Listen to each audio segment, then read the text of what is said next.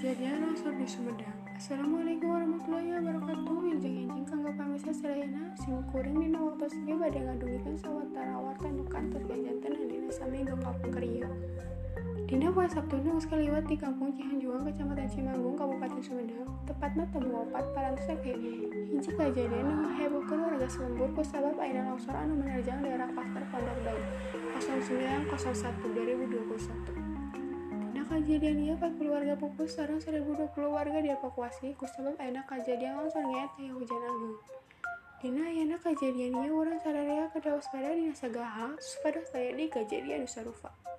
Hatur nuhun kana pahartosanana wilujeng patepang deui di lain waktu simkuring Roksi Susriyati Nisi munggaran amit mundur. Wassalamualaikum warahmatullahi wabarakatuh.